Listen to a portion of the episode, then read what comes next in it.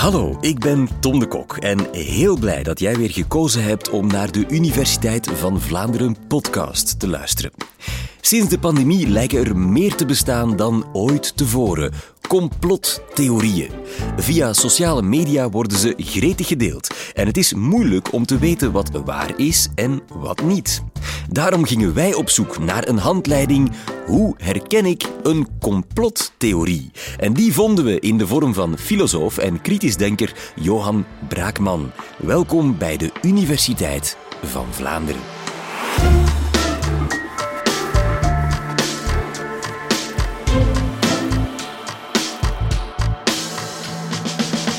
Hoe herken je een complottheorie? This virus was created by the cabal, specifically Bill Gates. Ik moet er misschien eerst op wijzen dat een complottheorie toch meerdere kenmerken heeft en ze hoeven niet per se allemaal tegelijkertijd aanwezig te zijn. Ik denk dat we veel niet weten. Ik wil er ook op wijzen, eh, soms zijn complottheorieën waar natuurlijk. Dat bemoeilijkt de zaak. Het complot om eh, Julius Caesar te vermoorden bijvoorbeeld was waar. Watergate, het schandaal dat uiteindelijk tot het aftreden van president Nixon geleid heeft, was een, een echt complot, een echte samenzwering. De samenzweerders bestonden echt. Therefore, I shall resign the presidency effective at noon tomorrow. Maar het is ongetwijfeld zo, de meeste complottheorieën die circuleren, bijvoorbeeld nu in deze coronatijden op het internet. Is de anderhalf meter samenleving echt nodig? This is all a big part of the eventual goal, which is control dat het vaccin uh, zou bedacht zijn door Bill Gates om, om de wereldmacht over te nemen. Of dat het geconnecteerd zou zijn met het uitrollen van het 5G-netwerk enzovoort. Body can't handle this new 5G, and yet lots more people are going to be ill. Uh, ja, dat is allemaal hoogst dubieus natuurlijk. We hebben zeer goede redenen om aan te nemen dat die theorieën niet kloppen. Maar goed, wat zijn de kenmerken van complottheorieën? Wel, het allereerste, denk ik, dat ligt voor de hand, is dat de mensen die er geloof aan hechten, de zogenaamde believers, ervan overtuigd zijn dat er een geheim plan bestaat. Dus het plan is geheim, het mag eigenlijk niet geweten zijn. De believers hebben het toch op een of andere manier ontdekt of hebben mensen een vermoeden van hoe dat plan eruit ziet. Maar het was in elk geval de bedoeling, menen zij, dat het plan geheim zou blijven. Toen deze hele corona-epidemie ehm, aangekondigd werd op het journaal, was ik al wantrouwig. En QAnon die, die bevestigde als het ware een vermoeden dat ik had.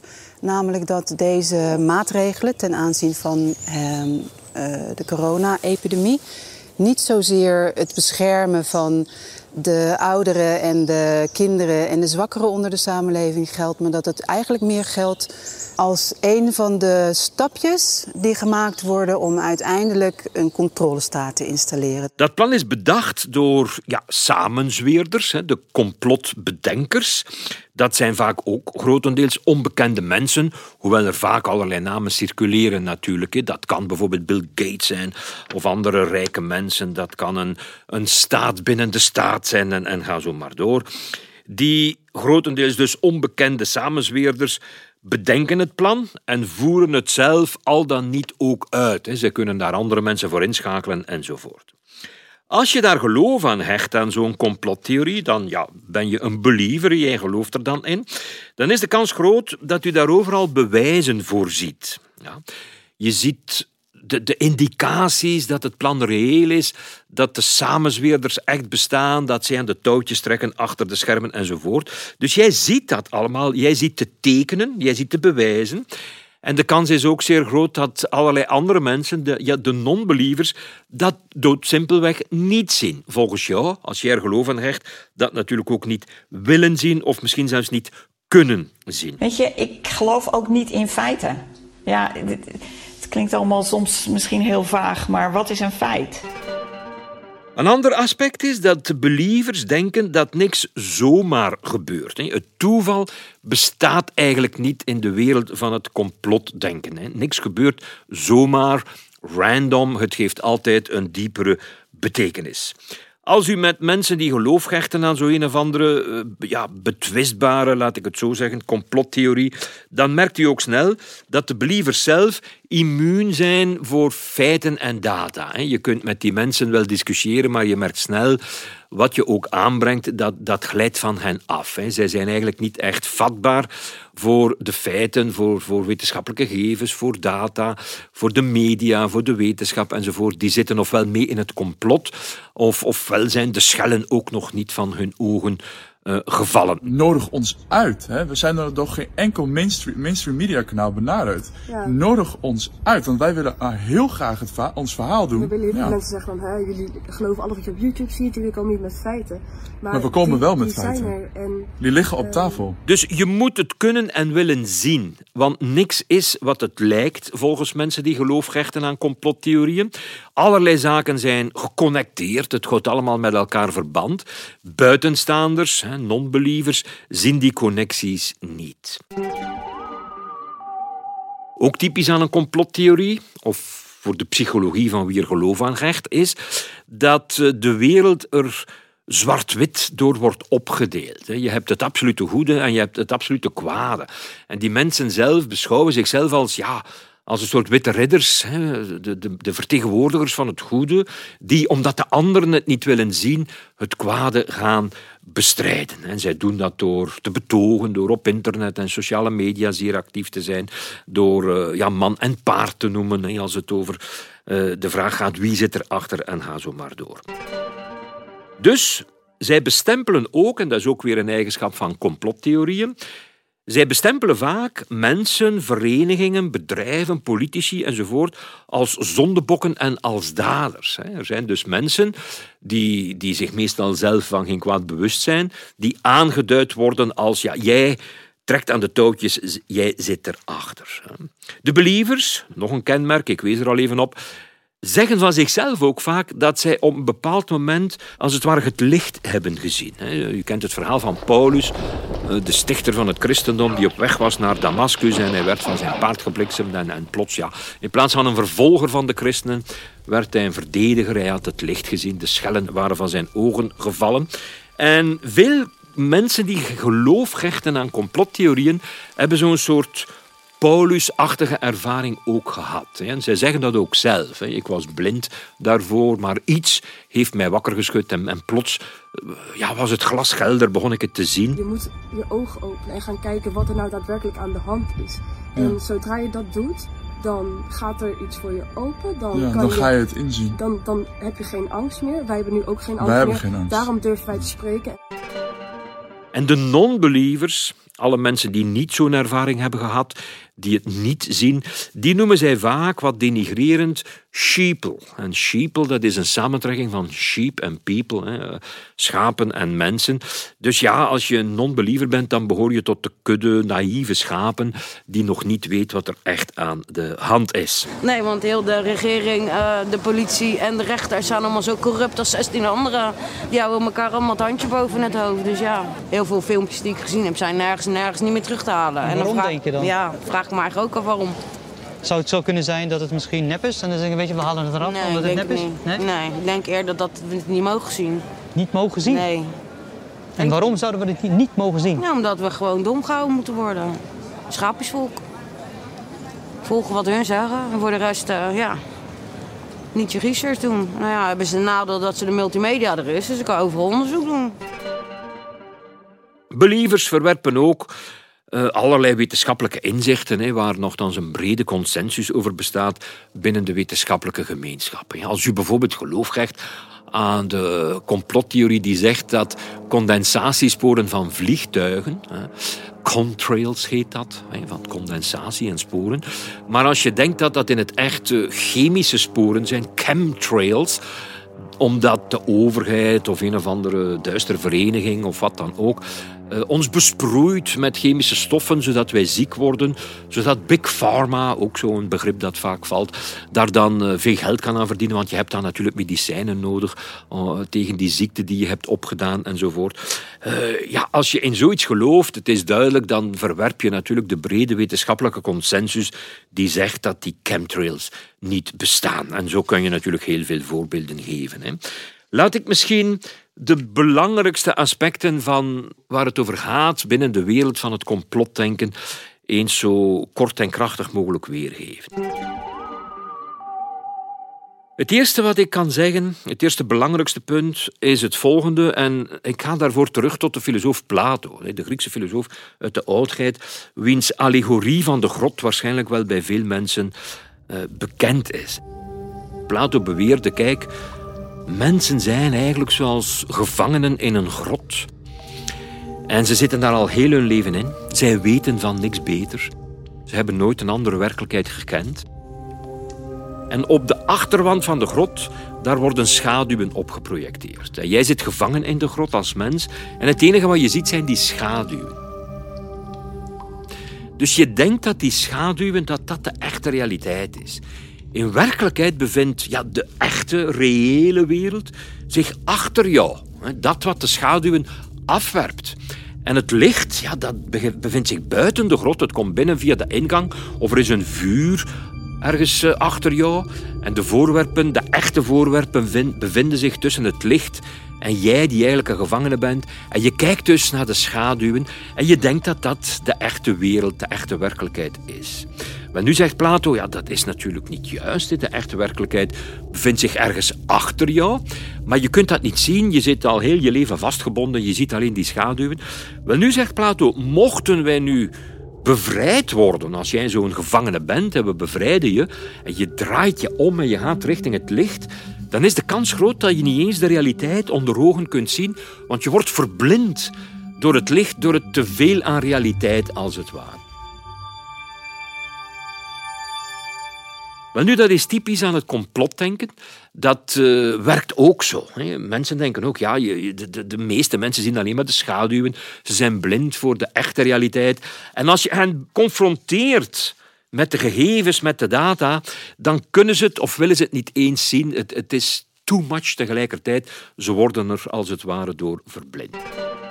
Een tweede aspect is het feit dat mensen die in samenzweringen geloven, blijkbaar veel meer in staat zijn dan, dan anderen om ja, wat men in het Engels noemt eh, to connect the dots. Hè, dus de punten met elkaar te verbinden, zodat er betekenis ontstaat. Hè. U kent allen dat kinderspelletje waarbij je cijfertjes of bolletjes of zo met elkaar moet verbinden. En als je dat op de juiste manier doet, dan verschijnt er iets betekenisvol. Dan zie je een paard of een poes of, of een huis of wat dan ook. Dus eerst zie je alleen maar ja, random dots. De, de, de stippen zitten ergens verspreid op, op het blad. Maar als je de connectie ziet, dan krijgt het allemaal betekenis. Wel nu, in wetenschap natuurlijk, in het rationelere denken en, en, en ook in de media, als je dat goed doet, dan probeer je natuurlijk ook de dots te connecteren. Je zoekt ook naar oorzaak-gevolg, je zoekt naar patronen, je zoekt naar coherentie, je zoekt naar de zin van de dingen die gebeuren. Hm? En dat is natuurlijk juist, dat is goed en wij kunnen dat ook. Ons brein leent zich daartoe. Maar iemand die in een samenzweringstheorie gelooft, ja, die ziet patronen, die ziet verbanden die er in werkelijkheid niet zijn, hè, die, die je niet echt kunt zien.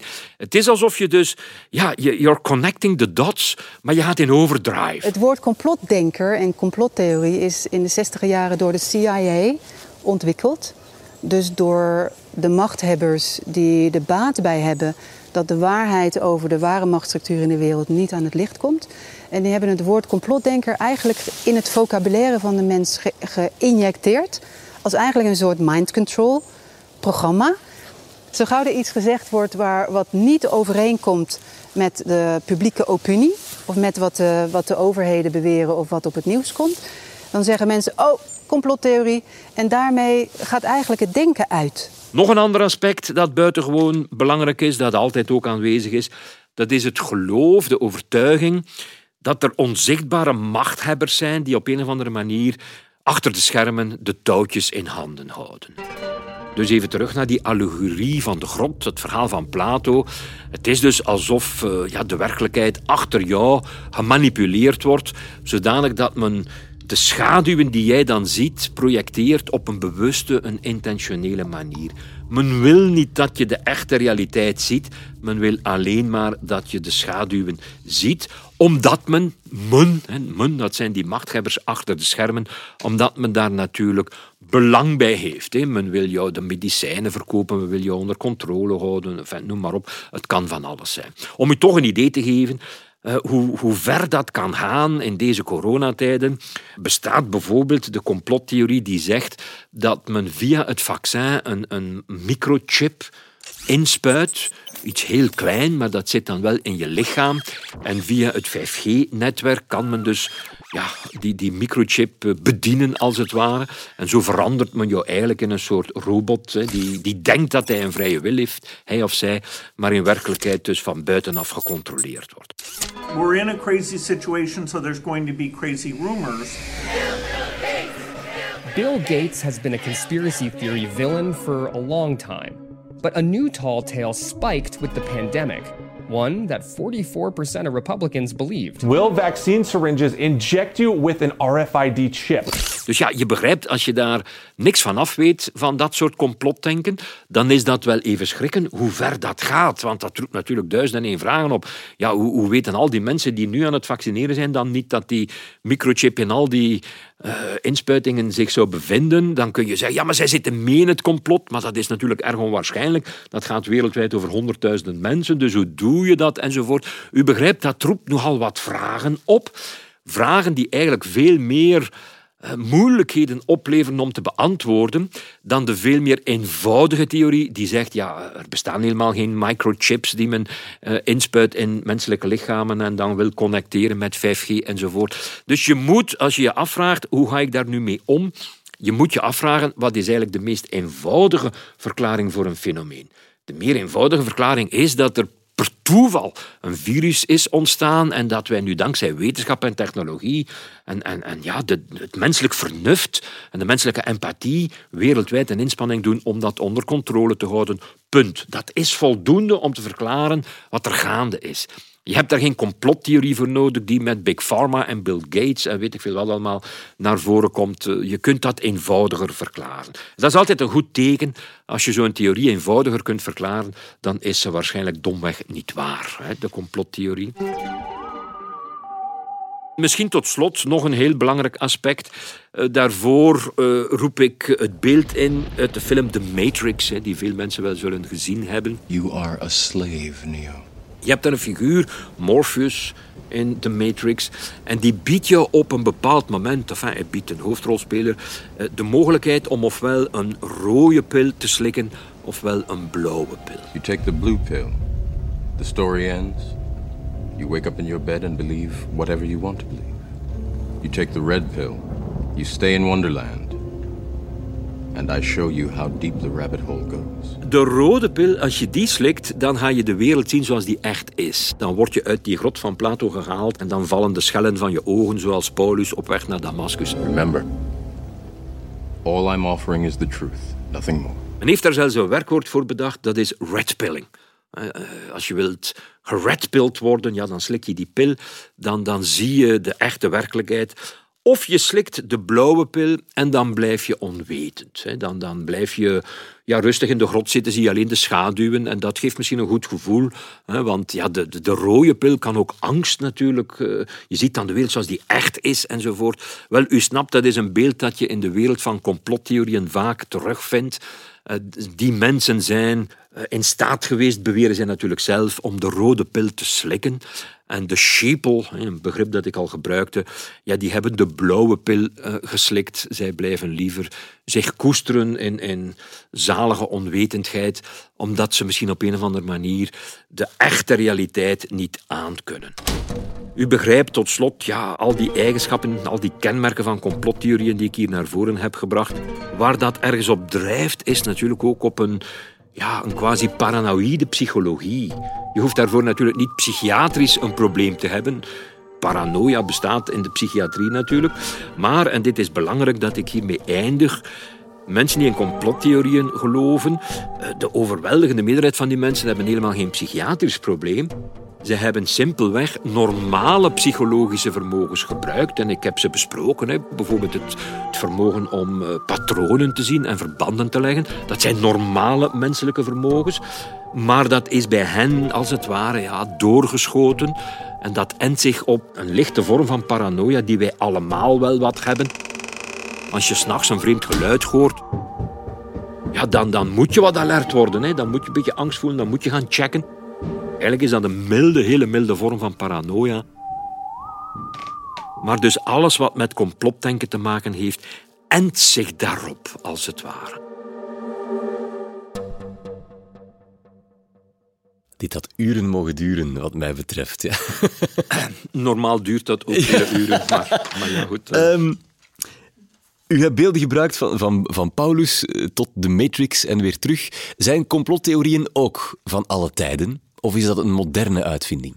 Zijn complottheorie van alle tijden? Ik denk het wel. Natuurlijk, ja, de mens bestaat 200.000 jaar. We hebben natuurlijk maar schriftelijke bronnen, uh, hoogstens 5.000 jaar. Dus het is moeilijk om te zeggen of ze daarvoor reeds bestonden.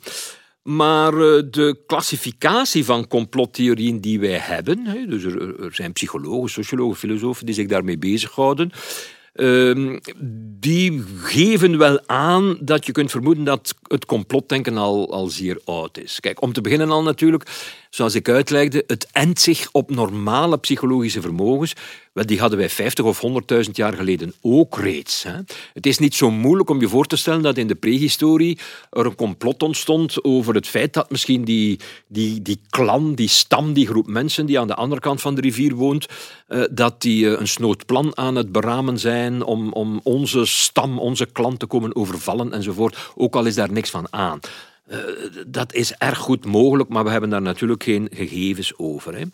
Nu, de klassificatie van complottheorieën, het kan misschien geen kwaad dat ik daar iets over zeg. Uh, je kunt complotten, complotdenken, complottheorieën opdelen in meerdere subgroepen, als het ware. En sommige daarvan zijn ongetwijfeld ook reeds zeer oud en zullen ook al ver teruggaan. Uh, denk bijvoorbeeld aan Julius Caesar, het voorbeeldje dat ik gaf. Ja, dat was een echt complot. Hè. Men, heeft eh, samengespannen om, om die man te vermoorden, omdat het helemaal uit de hand liep. Dus dat is uh, ruim 2000 jaar oud. En zo zijn er nog wel die nog van verder in de tijd terug dateren. Hè. Maar het kan misschien geen kwaad in dat verband dat ik even kort schets welke subgroepen je kunt onderscheiden binnen het complotdenken. Hè.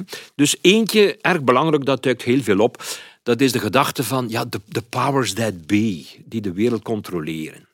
Ik heb eh, Bill Gates bijvoorbeeld vermeld, maar men, men verwijst naar de, de Rothschild-familie. Vaak zit er ook uh, antisemitisme in. Hè. Dus het zijn Joodse mensen of Joodse families, zoals de Rothschilds, hè, beroemd uit het bankierwezen enzovoort, die de middelen zouden hebben om allerlei zaken uh, te bekokstoven en te financieren. Um, de Bilderbergers is nog zo'n groep die vaak vermeld wordt, maar het, het kan het kan heel hek gaan hoor. Ik weet niet of je al gehoord heeft van de reptoids of de reptoïden. Dat is een complottheorie bedacht door uh, de Engelsman uh, David Icke of Icke. Uh, en die man denkt dat de machthebbers van onze tijd, maar dat zou al heel ver teruggaan, dat dat in wezen aliens zijn, buitenaardse wezen die er in het echt als reptielen uitzien. Dus Hillary Clinton is zo'n reptoïde, Bill Gates is een reptoïde, Margaret Thatcher was een reptoïde en ga zo maar door. Ja, dat klinkt misschien, als je daar nog niks van gehoord hebt, klinkt dat knettergek. En dat is het ergens ook wel wat natuurlijk. Maar mensen die in complotten geloven, doen dat niet plots van vandaag op morgen. Je, je, je begint eerst aan één puntje te twijfelen en je neemt dat mee en dan ga je naar een volgend puntje. En je hebt de stepping stone theorie. Je gaat daar Week na week komt er zoiets bij en je beseft zelf niet hoe ver je bent afgegleden richting een opvatting die Kant nog wel raakt, die met alles in strijd is, alles wat je maar kunt bedenken, maar die in jouw wereldje dan ondertussen toch erg betekenisvol klinkt. Hè. Je hebt complotten of complottheorieën die te maken hebben met de overheid, hoe de overheid ons probeert te controleren. Denk aan de maatregelen die nu door de overheid genomen worden tegen corona. Ja, veel mensen vermoeden daar ook een complot achter. Je hebt de subgroep omtrent verdachte overlijdens. Denk aan uh, eh, JFK, Kennedy, prinses Diana, zelfs Paul McCartney zou eigenlijk uh, eh, vervangen zijn door een dubbelhanger enzovoort. Dus je houdt het bijna niet voor mogelijk. Elvis Presley natuurlijk, Marilyn Monroe, ga maar door. Dus rond elk verdacht overlijden is er al, altijd wel een, een complot of meerdere. Je hebt complotdenken over oorlog en terreur. Denk aan 9-11 natuurlijk, hè. daar zijn heel veel theorieën over. Je hebt holocaust, negationisme, allerhande zaken in die wereld. Je hebt complotten op, over onderdrukte wetenschap. De flat earth, eh, alternatieve geneesmiddelen, alternatieve energiebronnen. Er al lang een motor zijn die op water werkt, ik zeg maar wat, maar, maar men houdt dat geheim, omdat de olieindustrie anders failliet zou gaan. En die en die zit ook in het complot en, en gaan zo maar door. En tot slot heb je ook, eh, dat zijn misschien sympathiekere complottheorieën over wat we niet zouden mogen weten over de ruimte. Denk aan Roswell, dat kent u misschien, waar de UFO gecrashed is in de, in de jaren 50, ergens aliens al hier en al daar. De maanlanding zou een hoax zijn. Een hoax betekent dus een vervalsing zijn. Uh, en ga ze maar door. Dus dat zijn enkele subgroepen. Het verschil is wel, vroeger verzamelden de gelovers van uh, complottheorieën voor de poort van Area 51, met enkele tientallen in het beste geval. Vandaag vinden ze elkaar bij de miljoenen op allerlei Facebook- en Telegram groepen. Is, is in die zin zijn complottheorieën ernstiger geworden en gevaarlijker? Ja, het is misschien moeilijk in te schatten, maar ik ben wel geneigd om te zeggen, ja, ze zijn misschien wel wat gevaarlijker geworden. Hoewel, omdat ze inderdaad, eh, de believers kunnen elkaar veel makkelijker vinden via de social media uiteraard. Maar daar staat ook wel tegenover, en dat maakt het in zekere zin nog erger, dat ook vroeger natuurlijk sommige vormen van complotdenken reeds zeer gevaarlijk waren. En dat effectief ook bleken te zijn. Denk aan de antisemitische complottheorieën die binnen het nazisme circuleerden. Ik zal daar even een concreet voorbeeld van geven. Eh, enkele decennia voor uh, Hitler aan de macht kwam, had je bijvoorbeeld uh, de beruchte tekst die bekend staat als de protocollen van de wijzen van Zion. Dat was dus een vervalsing, dat was ook een hoax, een valse tekst, voor alle duidelijkheid. Maar die werd bedacht, geschreven en dan verspreid alsof het dus over de, de samenvattingen ging, de notulen van de vergaderingen van een ultrageheim genootschap. Dus je hebt daar alle kenmerken die ik heb opgesomd. Een ultrageheim genootschap, de, de wijzen van Zion. En daar zaten Joodse mensen in die, eh, die belangrijk waren in de wetenschap, in de politiek, in het bankwezen en ga zo maar door. En die zouden dus, dat geheim genootschap, zou dus tijdens die vergaderingen bespreken hoe kunnen wij de totale wereldmacht veroveren. Dat is ja, typisch complotdenken, dat zit er allemaal in. En men heeft dus die notulen van die vergaderingen geschreven, uit de duim gezogen dus, en die dan gedrukt en gepubliceerd en verspreid alsof het allemaal echt was. Het complot was zogezegd gelekt, was uitgekomen. Het is complete nonsens dus, maar die tekst als boekje is wel in, in miljoenen exemplaren verspreid geraakt. Tot op de dag van vandaag wordt dat gedrukt en verspreid. En bij wijze van spreken, daar wil ik nu naartoe, Hitler en, en Göring en Himmler en, en uh, Goebbels en al die andere nazi-kopstukken, ja, die kenden die tekst uit het hoofd. Die hadden dat op hun nachtkastje liggen, die citeerden daaruit, die verwezen daarnaar, alsof het een echte tekst was. Ook al was het al bekend, er was een Engelse journalist die dat al ontkracht had, van ja, mensen, dit is een vervalsing. Maar dat speelde op een bepaald moment speelt dat geen rol meer. Net zoals het huidige complotdenken ook. Ja, je kunt dat wetenschappelijk enzovoort ontkrachten, maar mensen blijven daar toch geloof aan hechten. Dus in zekere zin is het nu nog meer gevaarlijk, want het gaat inderdaad veel sneller, je bereikt veel meer mensen. Daar staat dan wel tegenover, dat is het lichtpuntje, je kunt het ook veel sneller counteren en bestrijden. Als je iets ziet passeren op Facebook of wat dan ook, dat duidelijk een vorm van complotdenken is, dat iets wat niet klopt en potentieel ook gevaarlijk is, dan kun je je verantwoordelijkheid opnemen in zekere zin en daartegen ingaan. Je mag niet vergeten, je hebt ook heel veel mensen jongeren misschien in het bijzonder, maar, maar in het algemeen heel veel mensen die twijfelen, die het allemaal niet zo goed weten. Je ziet dat passeren, zo'n complottheorie, en je weet niet wat je daar moet van denken. Vaak klinken ze niet slecht. De meer extreme, die reptoïden enzovoort, daar val je niet zomaar voor. Maar andere klinken niet eens zo slecht. Wie heeft er baat bij uh, het virus? Ja, uh, Pfizer en de, en de andere farmaceutische bedrijven. Dus dat die misschien mede het virus hebben verspreid. Ja, het klopt niet, maar het klinkt niet eens zo dwaas. Dus daar kunnen mensen wel voor vallen. Wel nu, als je dan rustig uitlegt dat dat toch allemaal erg onwaarschijnlijk is, je wijst op de logische denkfout. Het is niet omdat iets na iets gebeurt dat dat wat het veroorzaakt, door die die er belang bij heeft, uh, bedacht wordt. Als, als ik een parapluverkoper ben en het begint straks te regenen, is dat nog geen bewijs dat ik de regen heb veroorzaakt. Natuurlijk niet. Dankjewel, professor Braakman. Weer een stapje dichter bij uh, een betere wereld. En deze podcast sluit ik graag af met de mededeling dat je ons vanaf nu ook telefonisch kan bereiken. Bel ons gerust met een vraag of een compliment of een fantastische prof die je eens aan het woord wil horen of een complottheorie die je bevestigt dan wel ontkracht wil zien. Bel ons op 0480 60 82 11 en laat een berichtje achter op onze voicemail. Het nummer staat ook op onze website. En wie weet zit je dan in onze volgende podcast. Heel graag tot een volgende keer.